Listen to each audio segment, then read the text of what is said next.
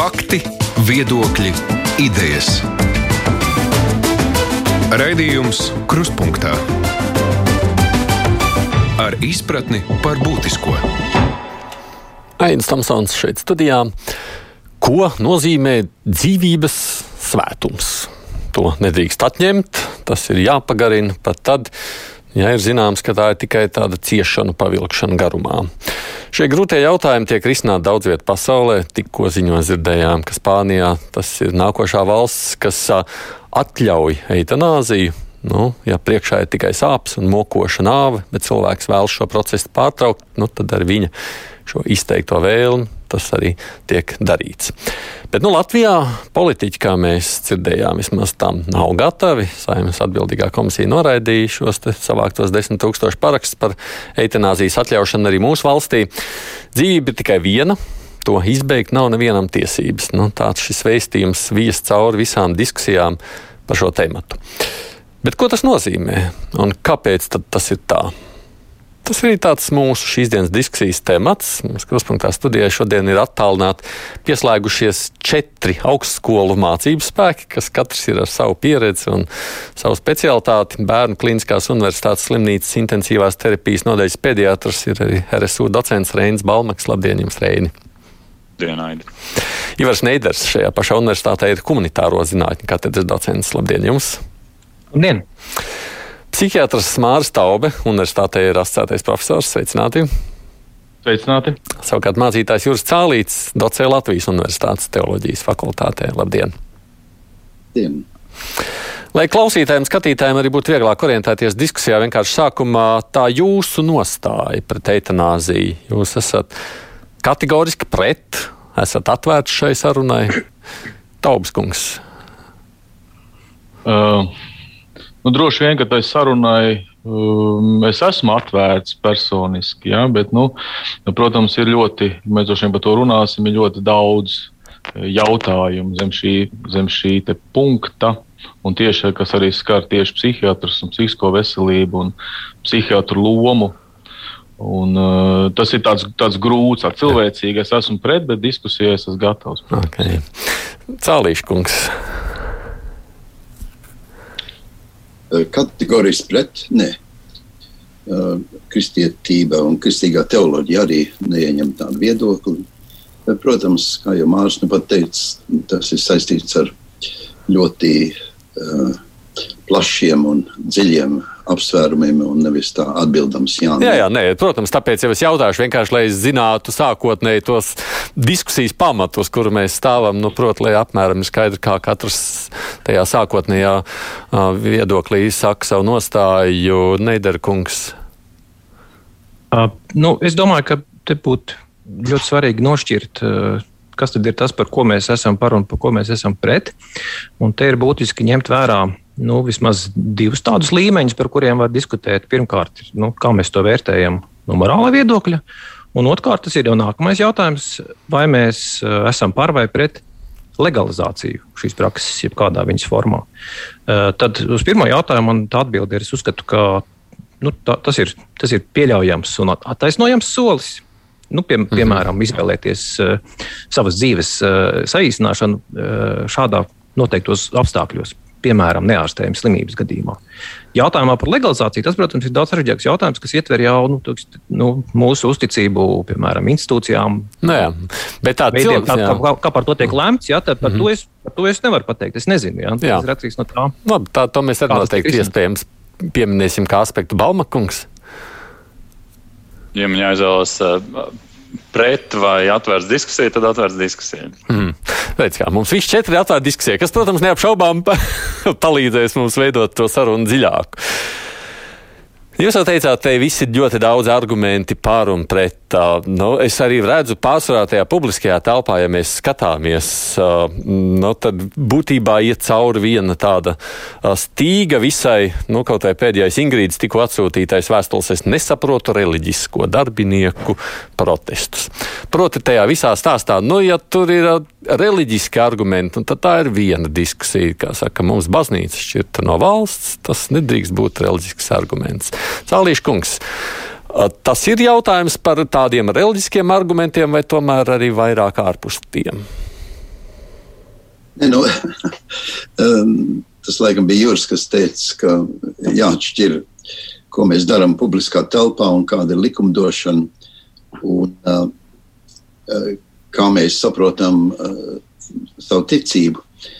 Uh, likumdošanas sfērā um, baznīca ļoti iejaukusies un parasti ieņem viedokli, un, un gadsimtu garumā baznīcā bija ļoti liela ietekme, un tāpēc viņas viedoklis ir, ir bijis ļoti um, ievērots un, un visās daudzās valstīs arī ņemts uh, pavisam simtprocentīgi vērā. Bet um, uh, attiecībā uz, uz, uh, uz reliģisko un ticības redzējumu tas, protams, ir caur un caur kaut kāda veida reliģisks jautājums. Nu, tādā nozīmē nevis tā institucionāli reliģisks, saistīts ar kādu konfesiju, bet reliģisks tādā nozīmē, ka mēs, mums ir jādomā par, par, par dzīves jēgu kopumā. Un tāpēc es domāju, mēs varētu sākt ar, ar tādu jautājumu, kas, kas patiesībā izraisa visu tālāko, kāpēc man ir jādzīvot Un uh, šis jautājums jau ir tas, kas palīdz saskatīt visu pārējo, kas tur iesaistīts. Un, un, un kā tas pats var prasīt sev, uh, kāpēc man jādzīvo. Uh, un, um, un tas nav tikai tāpēc, ka esmu dzīvnieks, un tāpat kā sun, suņi, kaķi un vispārējie bioloģiskās radības grib uh, savu dzīvību vilkt garumā. Uh, mēs cilvēki um, izdarām šo lēmumu ne tikai bioloģiski, bet arī personiski un, uh, un ar visām pārējām uh, iesaistītām maņām. Un uh, ticībai tāpēc ir bijis liels iespējas, jo tā ir veidojusi jautājumu par to, nu, kas ir, kas padara dzīvi sakarīgu un vērts dzīvot. Nu jā, bet redziet, te jau arī mēs izējām pēc tā būtības, kāpēc šī diskusija ceļas. Tajā brīdī, kad redzi, ka tev šķiet, ka tajā dzīvībai tu vairs neredzi jēgu. Tu redzi tikai priekšā sāpes, kurās nu, varbūt tu esi apdulināts no medikamentiem, vai varbūt nu, vienkārši zini, ka tas tev vēl pagarinās uz dažām dienām, vai nu, reizēm varbūt uz garāku procesu. Tu saki, nu, neredzu jēgu, tāpēc gribu runāt par šo. Neiderkungs, jūs tā piekrītoši mājāt ar galvu, sakot, ka tas ir jautājums par to, kāpēc mēs dzīvojam. Tā ir. Nē, nu, protams, bet eh, te atkal ir tas eh, nākamais jautājums, ir, um, nu, kā Cālīša kungs norādītu, tad mēs katrs, katrs, katrs par sevi varam šos jautājumus uzdot, bet tad ir, jaut, tad ir nākamais jautājums, ir, eh, kādā mērā mm, mēs varam citiem stāstīt par to, kā viņiem vajadzētu darīt vai nedarīt attiecībā uz visām šīm lietām. Ja? Un te jau sākas tā problēma. Jo tad, kad, tad, kad nu, tas kā vienmēr jādomā, ir, ko cilvēks saka, ka nu, es esmu pret piemēram, eitanāziju. Nu, vai tas nozīmē, ka es saku, es tā nedarītu, vai arī otrs ir, es negribu, ka, ka citi to dara. Ja? Tās divas dažādas lietas. Nu, es, varbūt, varu, es, gribētu... es, teikt, es esmu pret, bet, man, ja kāds cits grib to darīt, lūdzu. Ja? Tāda mm. var būt nostāja. Bet, jā, ja, ja jā, protams, ir varam to, varbūt to jautājumu drusku vienkāršot. Es, es pilnīgi piekrītu Jurim. Tas ir, jau, tas ir kā mēs varam to fokusēt. Bet jautājums ir, eh, nu, es prasīju, eh, kāpēc man jādzīvo? Un tā atbilde parasti nāk un vienmēr nāk, jo mē, mēs esam saistīti ar citiem cilvēkiem. Uh, nevis man jādzīvo tāpēc, ka es pats kaut ko izdarīšu lēmumu. Mēs neizdarām pašu savu lēmumu. Mēs izdarām šo lēmumu kontekstā ar visiem citiem. Uh, mēs piedarām citiem cilvēkiem. Mēs piedarām savai vidē, mēs piedarām savai ģimenei, mēs piedarām tiem cilvēkiem, kas mums ir vistuvāk, kas ir mīļāk. Mēs piedarām savai ticībai, mēs piedarām savam laikmetam, saviem ieskatiem un principiem. Un tie visi veido šo jaut, atbildi uz jautājumu, nu, kāpēc es dzīvoju Un, un, un kad mēs nākam pie eitanāzijas un šī galīgā lēmuma, tad jautājums ir par to, vai visas tās saites, visas piederības, kas manu dzīvi padarīja par manu dzīvi, un man bija jēdzīgi dzīvot, ir tagad beigušās. Un tur jau tā grūtība, kurš to tieši tā kā jūs teicat, kurš to izlems. Vai, piemēram, ja es esmu ekstremāls stāvoklī, varbūt esmu bezsamaņā Un tad jautājums tas jāizšķir citiem, kam es uzticos, lai viņi izšķir, man, izšķirās manā vietā. Ja es esmu tas, kas kaut kāda iemesla dēļ, mēs visu laiku fokusējam parasti uz šo medicīnisko sāpēm, nepanesām sāpēm un tā tālāk. Vienā brīdī man jāsaka, man vairs nav nekādas saites, ar kurām es esmu dzīves cilvēks.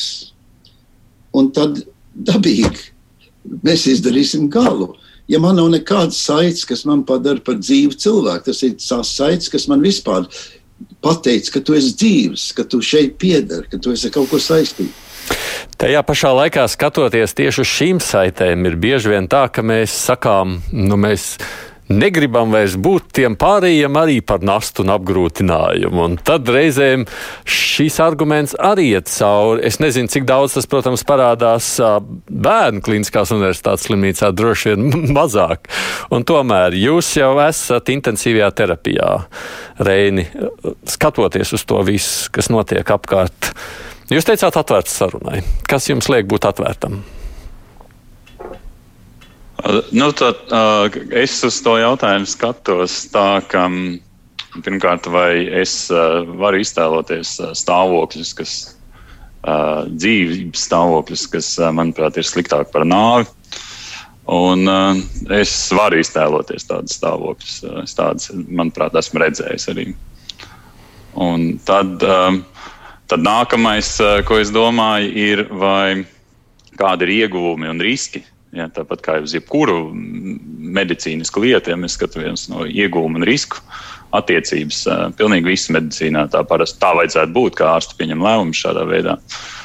Un, nu, un tad ieguvumi ir, ir šīs ciešana beigas vai, vai bezjēdzīga ciešana beigas. Tā, un, un tad riski ir katram savi, manuprāt. Citiem riski nav būtiski, citiem riski ir ļoti izteikti. Tīpaši, ja viņi tic, ka ir kaut kāda pēcnāvas dzīve. Nu, es, tā, manuprāt, ir. Es, es tā skatos. Un tad trešais jautājums, kā, ko es skatos, ir, vai es spētu iztēloties apstākļus, kuros es jebkad kādam varētu palīdzēt nomirt, tīri no med medicīniski ja man par to nebūtu nekādas atbildības. Un es domāju, ka es spēju iztēloties tādas apstākļus. Hmm. Labi, papriekš droši vien es došu tomēr jautājumu, ja vārdu arī Mārim Taubem. Uh, nu, jūs sakāt, tas ir laikam arī sarežģītāks tīri no tāda psiholoģijas viedokļa jautājums. Nu, tur ir viņš ir ļoti, arī palasot, pastoties, kādas arī pasaulē notiek, un nu, viņš ir ļoti, īpaši no psihiatra viedokļa, protams. Ja? Jo, protams, tas ir jautājums, kā arī cilvēks, ļoti labi arī Jūras iezīmē to, tas, tas aspekts par to iesaisti, ja? ka ne tikai tie tuvinieki, bet arī šie mediķi, un, protams, mediķiem pirmais ir jāglābt, viņa, viņa, viņa jau Hipokrāts teica to, ka tas nav mūsu uzdevums, un mēs nedrīkstam nogalināt cilvēku nekādos apstākļos. Ja?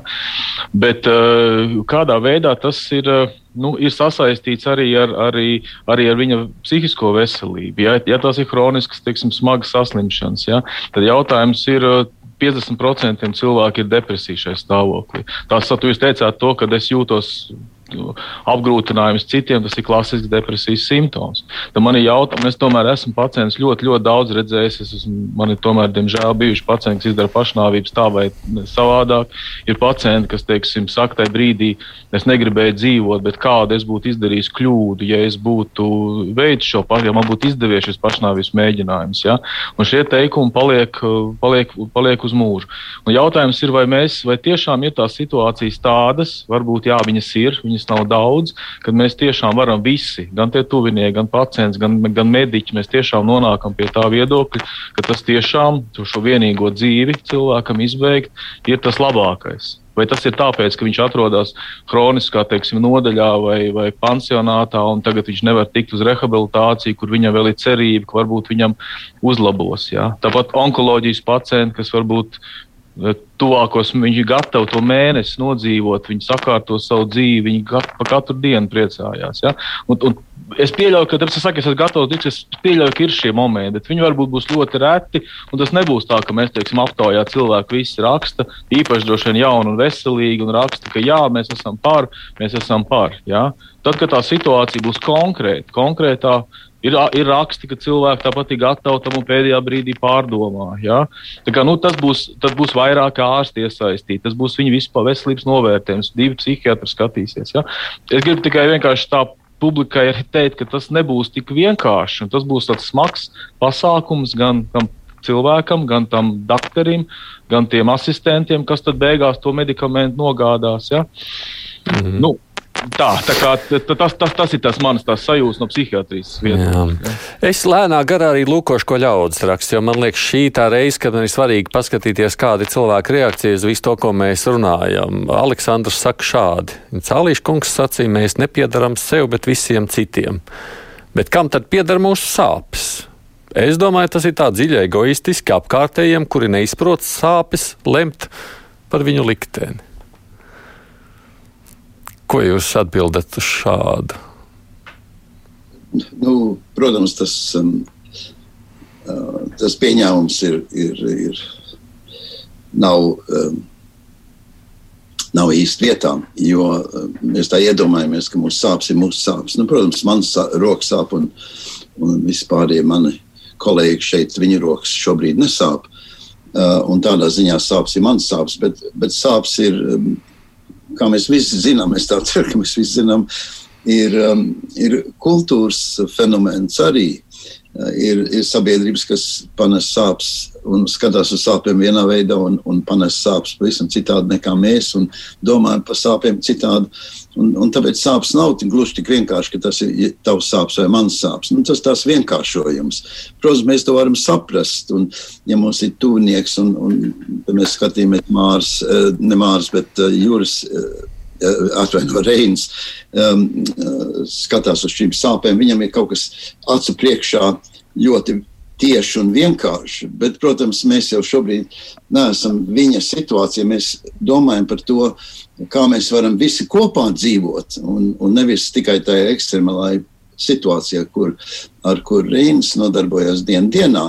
Mēs domājam par to, kādā veidā mēs nevar, nepadarām cilvēku par naturālu preci, uh, kurai ir sāpes vai nav sāpes, uh, un uh, kas ir dzīva vai beigta ar kuru beig beigās katrs, sākot ar medicīnas uh, uh, establishmentu vai, vai kolēģiem, uh, kolēģiem, uh, līdz valsts ieredniecībai un, un, un vadītājiem, kas var darīt, ko grib ar, uh, ar cilvēku. Nu, tā jau bija tā, tā, tas ir bijis tas iemesls, kāpēc baznīca un, un, uh, un mācītāji un vispārējie ir uh, tādi humāni cilvēki centušies uh, uh, palēnināt šo, šo, šo skrējienu, kur cilvēki iešaurina visu cilvēka dzīvi un viņa sāpes eh, kaut kādā vienā personas pārdzīvojuma līmenī. Tas tā nav. Visa dzīve ir kopā ar citiem un zināmā kontekstā un vidē.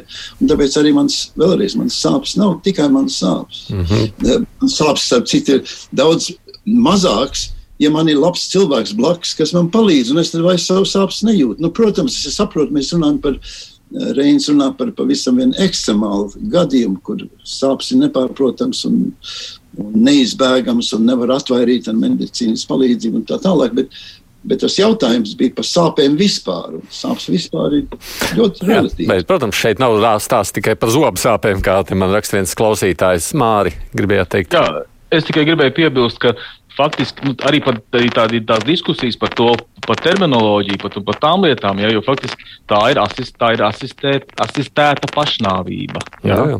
Tā ir pašnāvība, tas, tas nav nekas eh, cits. Un, teiksim, ja mēs runājam par cilvēku iesaisti, ja, tad, teiksim, ja cilvēks veic nu, pašnāvību parasti kā tādu, ja, tad, protams, ir iesaistīti ļoti daudz cilvēki, kas, kas cieš, un te arī diskusijas par to, cik tas reizēm ir nu, citu dēļ vai ne citu dēļ, ja, jo, jo nu, ir, ir ģimenes, un nu, nu, man ir pacienti, ko es redzu, ko es varu runāt, ja, ka, ja teiksim, cilvēks izdarīs jaunais pašnāvību, un tas faktiski izbojā visu, nu, kā izbojā visu mūžu. Tā māma nevar to to, ar to tikt galā. Un otrs dēls saka, saka ja, ja tas, tas brālis būtu zinājis, kādas sāpes tas nodarīs un kā tas ietekmēs citus cilvēkus, ja, viņš noteikti varbūt to nebūtu darījis. Jā, bet vai jā. šeit varam vilkt paralēlus, jo šeit jau nu, tomēr ir pilnīgi cita perspektīva tajā visā? Jā, nu es šeit, ne, es šeit gribēju teikt tikai to, ka kad, nu, runa bija par to, vai to, to atbildību iesaista citu cilvēku iesaist, ka viņi tomēr ir iesaistīti. Jā, varbūt šajā gadījumā, teiksim, cilvēks ir, pieņemsim, tuvinieks, viņš redz, ka tas cilvēks cieši, varbūt viņš arī tam ir iniciators, jā, bet tā ir tāda, nu, tom, tomēr, to, tomēr nu, mēs esam, esam saistīti ar tiem, ar, ar apkārtējiem. Nu, tas, tas bija vairāk man tas komentārs.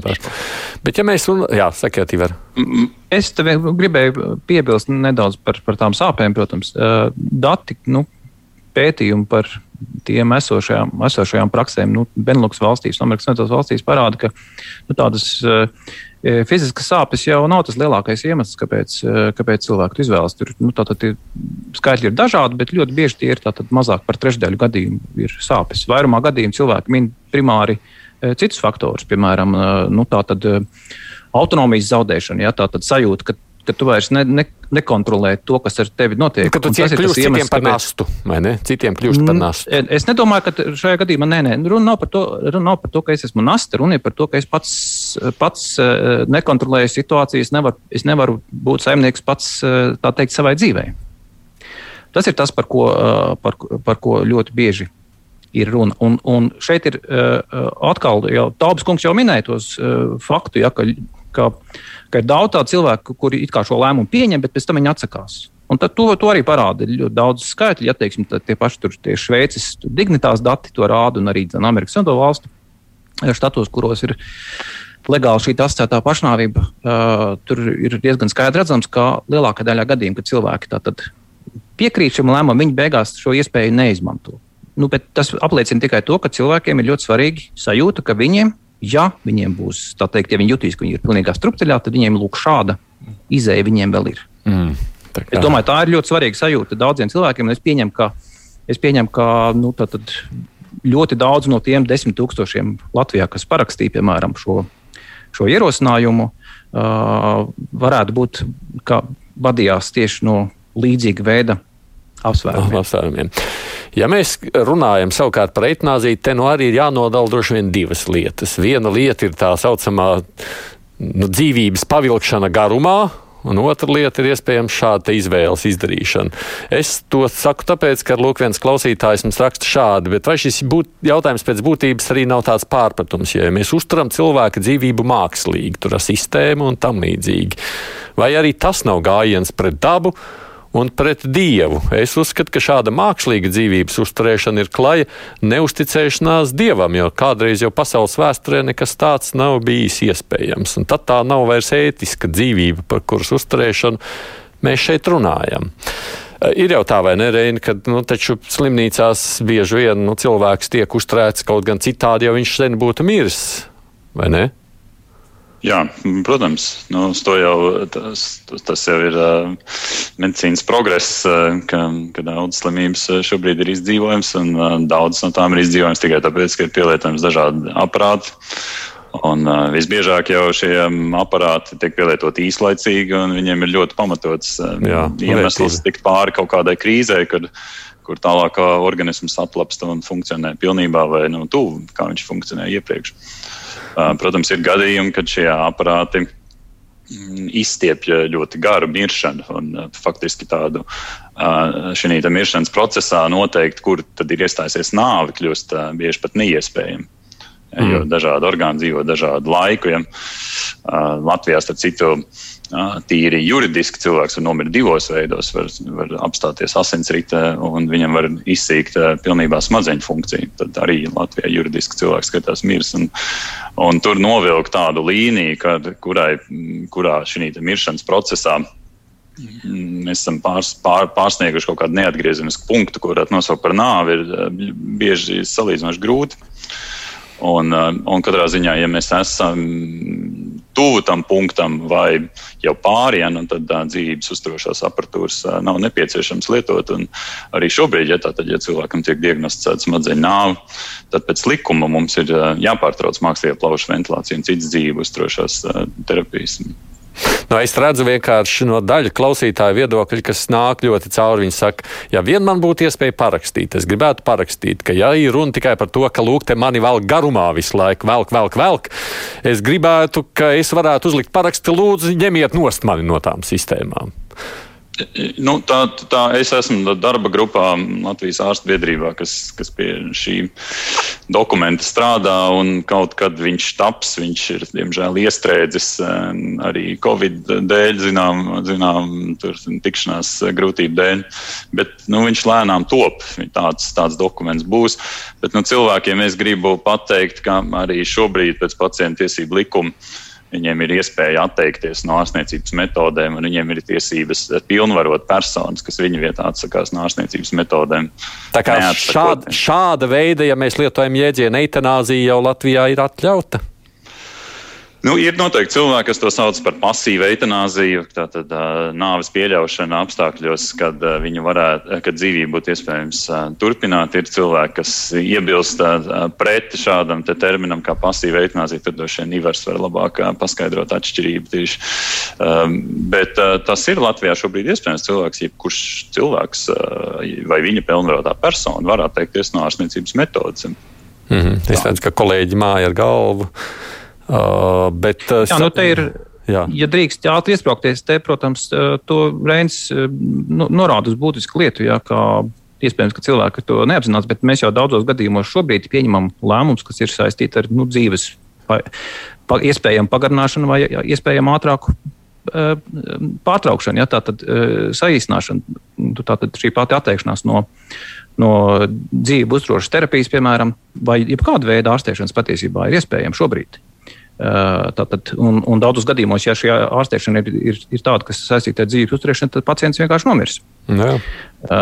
Vai, teiksim, nu, tāpat arī onkoloģisku pacientu gadījumā tā saucamā terminālā sedācija jau arī godīgi sakot, nav nemaz tik tālu no, no tā, ko mēs saucam par, par etanāziju. Tātad, jūs vienkārši nu, panākat to, ka cilvēks bezapziņā bez apziņas vienkārši tur it kā dabiski nomirst ar ko tas īpaši atšķiras. Ja kāds man sāk stāstīt, ka tas ir ļoti atšķirīgs no etanāzijas, tad es, mm. godīgi sakot, no tāda ētiska viedokļa neredzu tādu būtisku atšķirību šeit. Uh, tāpēc uh, brīžiem ir tā, tā jocīga sajūta, ka cilvēki, nu, tā, tas, tas vārds etanāzija tur uzreiz nospiež uz kādām uh, emocionālām pogām, un, un, un, un uh, cilvēki uzreiz viņiem sajūta, ka viņi runā par kaut ko tādu, nu, par kaut ko radikāli atšķirīgu. Bet patiesībā jau šeit ir daudz prakses, kas ir diezgan diezgan tuvs. Jā, mēs jau šobrīd lemjam par cilvēku dzīvību nāvi, un cilvēki jau šobrīd lemj par savu dzīvību nāvi, esošās jau esošās likumdošanas un, un, un etisko normu ietvaros. Cēlīšu kungs, grasieties teikt. Jā. Man šķiet, ka visā šajā diskusijā viens no aspektiem ir, protams, ka daudziem cilvēkiem ir protests pret valdību un pret um, kontroli, kas nāk no citiem un no augšas. Un, tāpēc, um, ka viņi domā, viņi jau domā, kā, kā cilvēkam nav sāpes un, un kas ir dzīvot spējīgi, un viņi, viņi grib savu protestu izteikt pret, uh, pret visu veidu kontrols un, un, un noteikumiem, kas nāk no citiem cilvēkiem. Bet viss šis atgādina, ka patiesībā, nu, katrā ziņā no kristīgā viedokļa, um, apziņa ir, un agrākās baznīcās bija tie zīmējumi uh, ar, ar tekstu, kas um, uh, lika cilvēkiem, kas gāja baznīcā, atcerēties, ka viņi mirs. Uh, un ne tādā varbūt um, tumšā aspektā, bet tādā nozīmē, ka, ka visa dzīve ir tā sagatavošanās nāvei, vismaz no, no kristīgā viedokļa. Un, un kad tas gals pienāk, tas jau ir tikai tāds, um, tāds mazs posms visā tajā uh, kas ir viss noticis pirms tam, kā tu, kā tu esi dzīvojis un, un kā tu esi sagatavojies. Bet es arī to domāju ļoti konkrēti. Un par to ja mēs te runājam, ka, ka cilvēkiem vajadzētu pārunāt ar, ar tiem uh, cilvēkiem, kas ir vistuvāk un uh, kas būs tie uzticības, uzticības personas, ka viņi uh, ļoti skaidri paziņo un pasaka saviem piederīgiem, kādā veidā viņi grib vai nevēlas, vai vēlas eh, šo medicīnisko, ekstremālo medicīnisko um, elpināšanu un pie dzīvības uzturēšanu un tā tālāk. Uh, un, un um, no šī reliģiskā viedokļa jau um, kaut kādā veidā mākslīgi stiept dzīvi garumā, tam nav nekādas nozīmes. Kristiešiem ir pat otrādi, ka ir apstākļi, kuros tu izvēlies savu dzīvi saīsināt savus, savus pārliecības dēļ. Mm, jā, jāpiebilst šeit ir tāda replika no manis, pirms es atgādinu, kas mums ir mūsu diskusijas dalībnieki, ir tādi, ka mums arī papildinot Salīšu kungu sacīto no neatlikamās medicīniskās palīdzības dienas sacīja, ka bieži tā, ka tie tuvinieki, cilvēki saka, es jau gribu, ka man vairs nevēl garumā, bet tie tuvinieki grib pavilkt garumā tā cilvēka dzīvību, un tad ir tāda iekšējā spriedze, ko viņi vēro, un, protams, kad nu, mediķis ir Nu, tas ir viņa aicinājums palīdzēt. Tajā brīdī to dzīvību tomēr glābt, lai arī zinot, ka tas ir tikai uz kaut kādu īsu brītiņu. Es atgādinu, šeit mums ir mācītājs Juris Tālīts, psihiatrs Mārcis Staubi no humanitāro zinātņu katedras docents Ivars Nēders un pediatrs bērnu klīniskās un intensīv, slimnīcas intensīvajā terapijas nodaļā Reinis Balmaks. Raidījums Krustpunktā. Bet runājot tomēr par to, no to tādu mazliet tradicionālāko skatu, kāds ir veidojies par etanāziju un kas ir tas nu, visbiežāk arī aprunātais jautājums ir par sāpēm. Un Anna mums raksta šādi. Visiem jums noliedzējiem vienkārši pašiem mājās nav bijis smags slims tuvinieks, kas ciešanās kliedz un kura sāpes vairs neremdē neviens medikaments. Ir palikusi mums tikai rociņas paturēšana kad patiešām pats saskaries ar to, tad domas mainās par 180 grādiem, un tukšu teoriju malt vairs negribas. Nu, es, es, es nezinu, kā par citiem ir runa, bet katrā ziņā manā dzīvē man ir bijusi vairāk kārt uh, tieši šāda situācija. Uh, un, um, un, un šeit ir tas interesantais, um, uh, vai te tas otrs cilvēks ir, jeb tikai tas, kas tur to rociņu. Um, vai tas otrs cilvēks ir, ir nonācis tādā situācijā, stāvoklī, ka, ka patiešām viņš ir praktiski no šīs dzīves aizgājis. Un tad jau, kā es teicu pašā sākumā, arī no kristīgā viedokļa eitanāzija ir pilnīgi saprotama un, un netiek kaut kādā veidā um, aizturēta.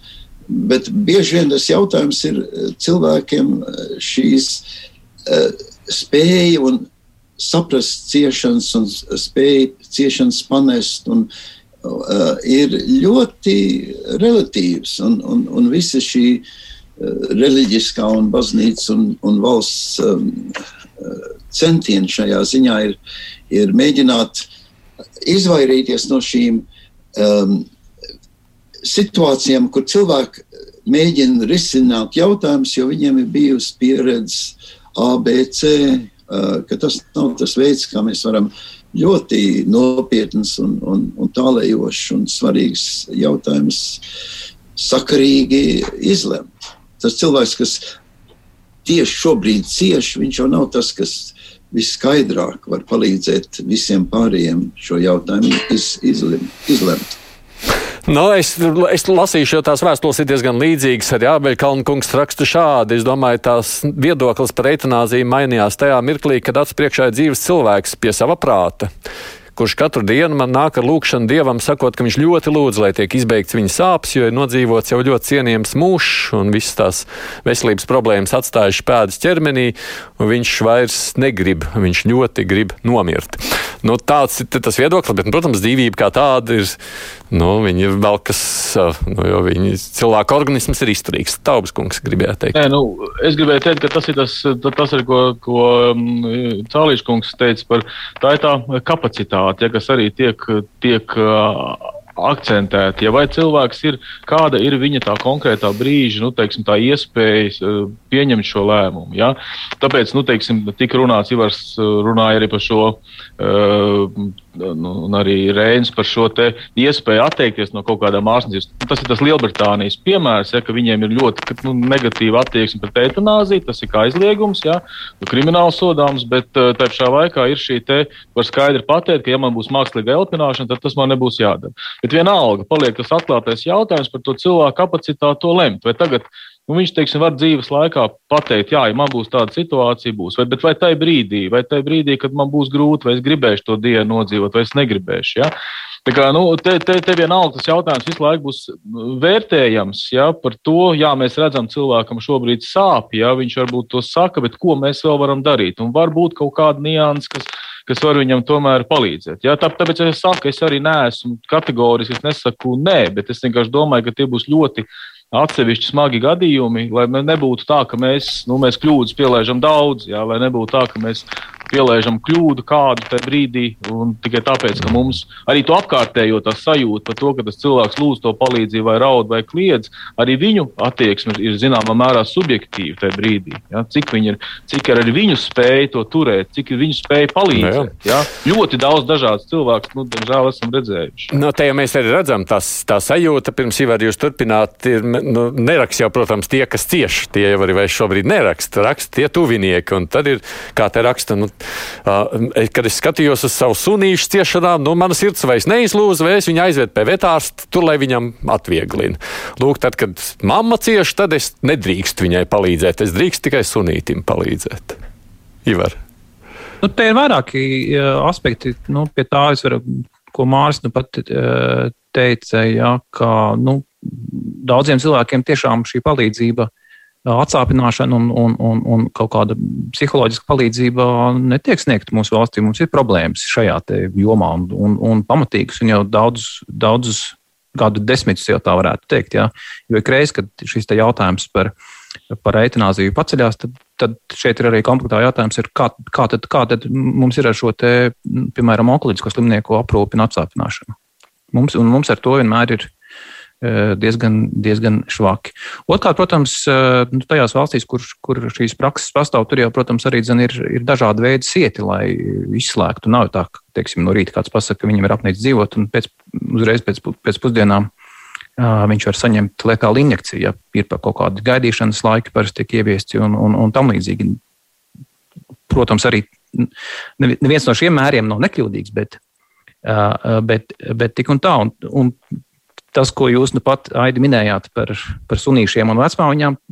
Tur no vienas puses, protams, tas ir kaut kāds cinisms tajā, bet, e, bet ir kaut kāda schizofrēnija arī šajā faktā, ka, ka kāds varētu teikt, ka mēs šajā vismaz aspektā pret mājdzīvniekiem izturamies labāk nekā pret, e, pret cilvēkiem. Ja? Tagad bet, to vis, visādi var pagriezt. Ja? Tagad to var pagriezt. Tā, tā var, var pagriezt dažādi. Es to ļoti labi saprotu. Ja, ja kāds var, ja kāds var uh, runāt par šo jautājumu, par savu vecmāmiņu un, un, un tajā pašā kontekstā ar sunīšiem, tad mēs saprotam, ka šeit ir cilvēks, kas patiesībā nu, nedrīkstētu lemt par, par savu vecmāmiņu. Šajā gadījumā, nē, nu, Un, un, un es jau saprotu, es jau saprotu tas ir domāts tāds izaicinošs salīdzinājums, bet nu, tas ir tik, tik, eh, nu, tik tālu no, no civilizācijas. Nu, kāpēc? kāpēc? Nu, tā... es, domāju, es, domāju, ka, es domāju, ka laikam tomēr, es, es nezinu, man ir tomēr no, no tā, ko es dzirdu no dažādiem cilvēkiem, kuriem es pazīstu, nu, cilvēkiem ir diezgan tāda atšķirīga attieksme pret dzīvniekiem nekā viņi bija nezinu, pirms dažiem gadiem, desmitiem. Nu, pret, pret mājdzīvniekiem ir kaut kādi dzīvnieki, pret kuriem mums ļoti eh, tāda attieksme, at, at, attieksme ka mēs viņus vienkārši ēdam. Bet ir, ir, tāda, ir dzīvnieki, kas, ir, kas, kas tiek eh, uzlūkot gluži kā ģimenes locekļi.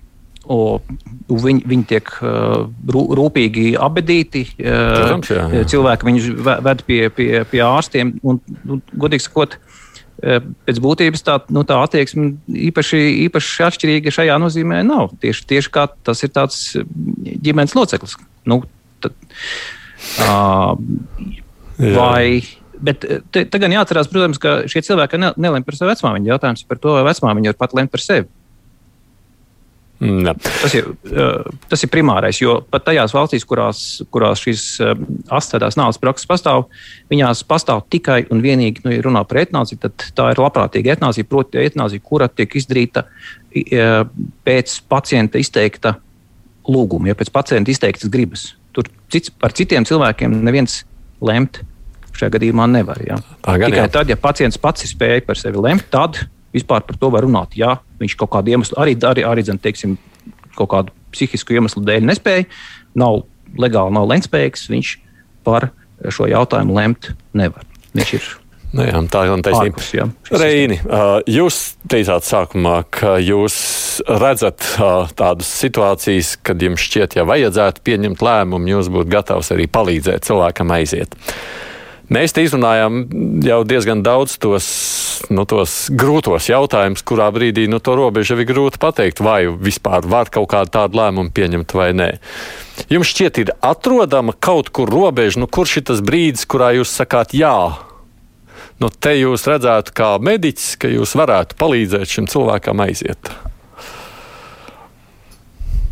Sarežģīts jautājums, bet uh, es to vairāk domāju, vai es spēju iztēloties kādu hipotētisku situāciju, kurā es varētu to palīdzēt. Es nedomāju, ka es ar to gribētu nodarboties.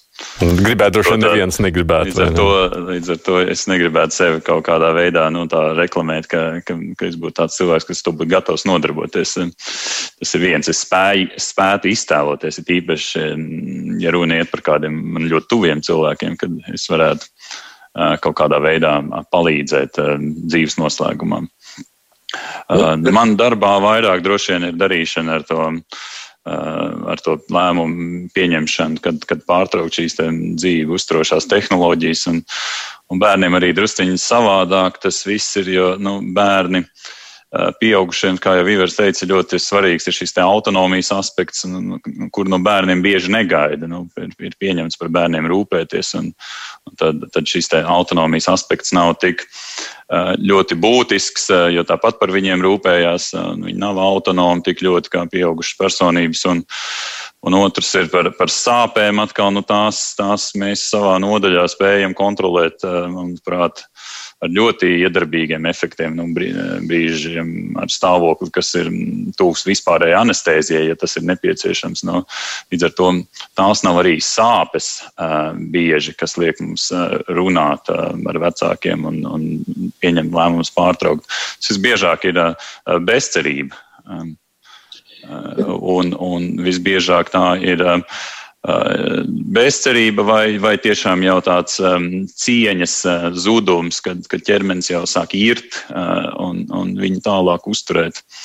Uh, vairs nav mērķiecīgi. Tā, tā, manuprāt, es to frāzētu. Jā, Juris, jūs gribētu kaut ko komentēt? Jā, jā es, es, es īpaši gribētu pievērsties šim pēdējam, kas man liekas ļoti svarīgs uh, apsvērums. Mēs jau par to esam runājuši, bet vēlreiz to akcentēt. Bet pirms tam, um, es domāju, jūsu atturība bija ļoti vietā, jo, ja gadījumā kāda, kāds ārsts tiks sasaistīts ne tikai ar dzīvības uzturēšanu, bet ar, ar dzīvības atņemšanu nāvēšanu, tad jau šīs lomas tiek pavisam sajauktas, un, un mēs jau tad vairs nezinām, kur mēs atrodamies. Un, un tāpēc ārsts jau vispār pēc savas profesijas to vispār nevar spriest, par kā jūs sakat, varat tā hipotētiski par to domāt. Bet šis pēdējais jau ir tas, par ko arī, ko es arī īpaši gribu visu laiku akcentēt, ka, ka dzīve ir saistīta ar, ar, ar mūsu apkārtni, ar citiem cilvēkiem, ar to ar piedarību, kā es teicu. Un, um, Un um, veci cilvēki ir tiešām tie, kas uh, nonāk tajā stāvoklī, ka viņam šī piedarība ir, ir pilnīgi vai nu izskausta vai vājināta līdz nepazīšanai. Uh, Un, um, un Ivars jau minēja tos iemeslus, kāpēc cilvēki vispār izšķirās eitanēs dzīves. Viens no tiem ir vientulība. Un vientulība jau ir viens no, no skaidrākiem rādītājiem, ka tu patiesībā vairs nejūties dzīvē piedarošs, dzīvē iesaistīts. Mēs, es, es tā aicinu visu laiku domāt par šīm lietām nevis tik ļoti autonomi un personiski, kā mans liktenis vai mans vecmāmiņas liktenis, bet šeit mēs runājam par par to, kā mēs vispār dzīvojam. Mēs dzīvojam, ja, mēs, ja mums ir daudz saites. Un ja viss šīs saites ir, ir tik ļoti vājināts, un, vai atrauts vai apstādināts, tad, protams, vairs nav vērts dzīvot. Un, un atkal no kristīgā viedokļa jau eh, stiept šo naturālo dzīvi jau neko nenozīmē. Tev šo naturālo dzīvi jādzīvo ar kaut kādu jēgu. Un, ja tev dzīvē nav jēgas, nu, tad nav vairs vērts dzīvot. Tas ir elementāri.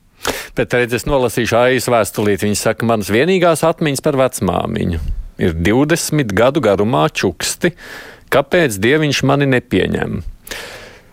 Tās bija nenormālas sāpes līdz saprāta zudumam, pēdējos vairākus gadus, un kopā ar viņu lēni mira un juka prātā arī vecstāvs, kurš bija kopējis nepārtrauktas 20 gadus. Nu? Nu, man būtu vispirms jautājums Reinim. Vai šobrīd medicīna pēc būtības arī Latvijā var šādos situācijās, kur kādam ir uh, pastāvīgs kronisks sāpes, tās arī ar, ar, ar mūsu līdzekļiem izskaust? Nu, Atbilde ir jā. Es domāju, ka šis piemērs par, par vecmāmiņu un vecētiņu ir, ir nu, es, es, protams, ļoti virspusēji tagad zinu faktus, jā, bet nu, tā izklausās pēc sliktas palietīvas aprūpas, jā, kur, nav, kur nav pieejams kopējs, kur nav pieejama adekvāta analgēzija. Un, par to, kāda ir mums palietīvā aprūpe, gan mēs esam runājuši diezgan daudz. Nu, mums viņa, diemžēl, nav pieejama bieži vien. Tas nu gan tiesa. Nu, bet paliatīvs aprūpas jautājums ir, protams, tiem, kam ir jau diagnosticēt uh, paredzēta nāve tuvākā laikā, bet jautājums ir par tiem, kam ir hronisks sāpes uz vairākiem gadiem. Par to ir, uh, tas ir kaut kas cits.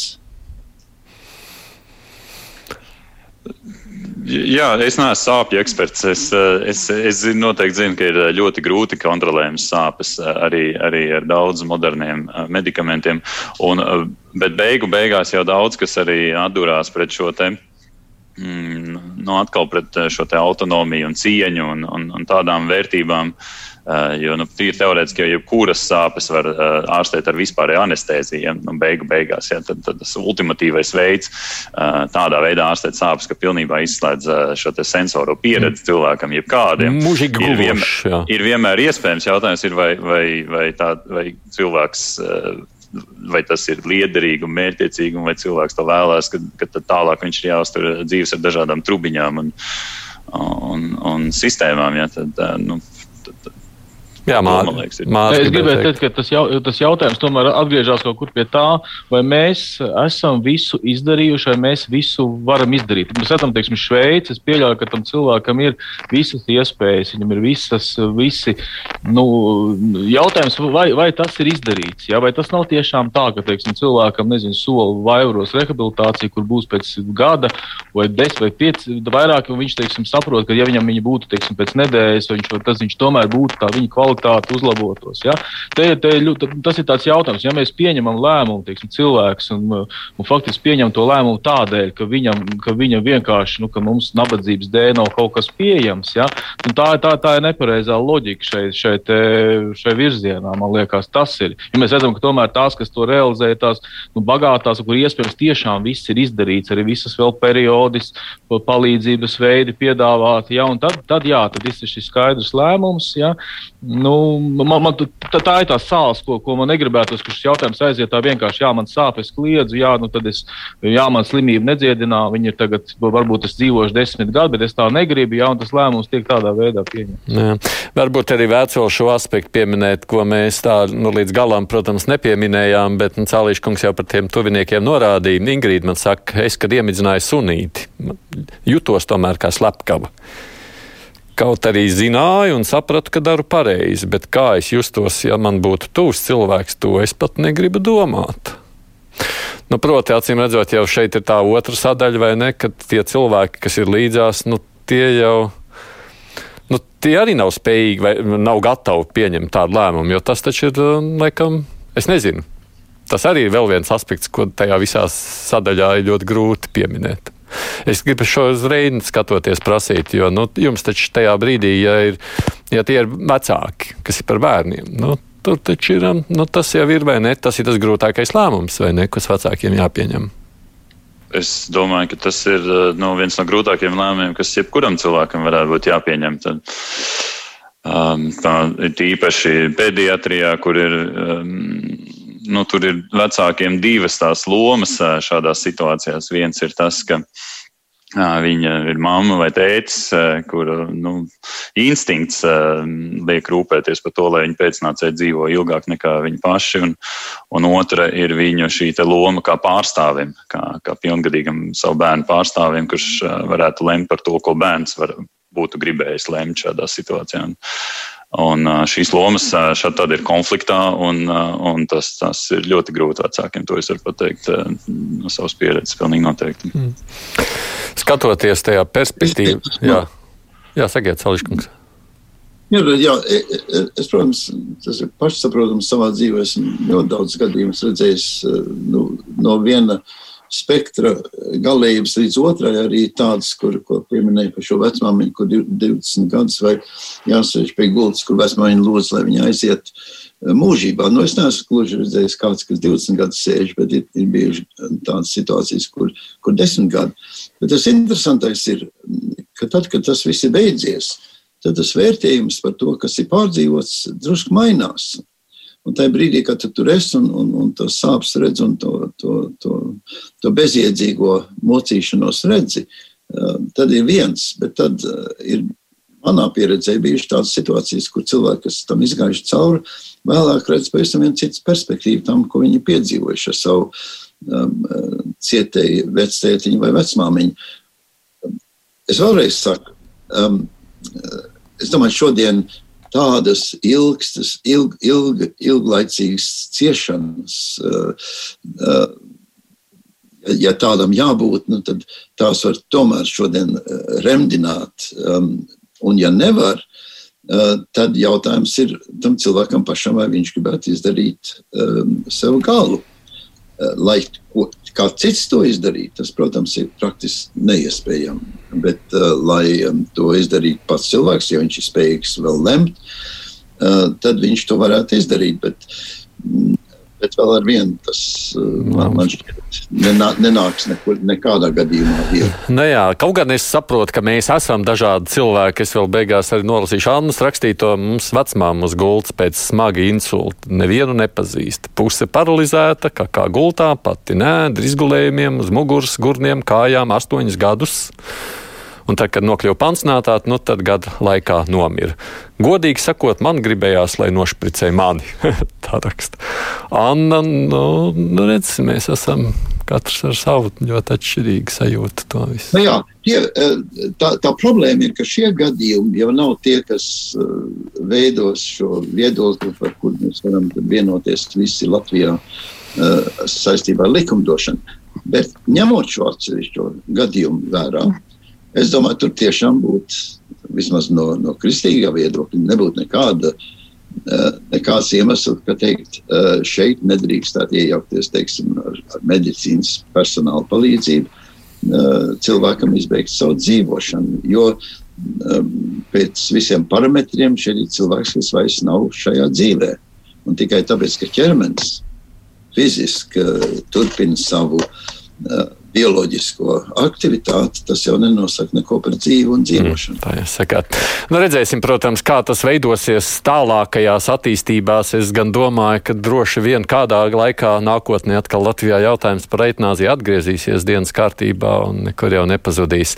Tāda ir tā mana nu, prognoze par tālāko perspektīvu. Bet es jums saku paldies, ka iesaistījāties šajā sarunā. Mācītājs Juris Cālītis, Ivars Nēders ir humanitāro zinātņu katedras docents, Reins Balmaks, bērnu slimnīcā intensīvajā terapijā, terapijas nodaļā strādā un Mārs Taubi ir psihiatrs. Paldies jums par šo sarunu. Bet kurspunktā šodien izskan producente ir šajā nedēļā Anita Brauna, studijā bija es Aits Tamsons.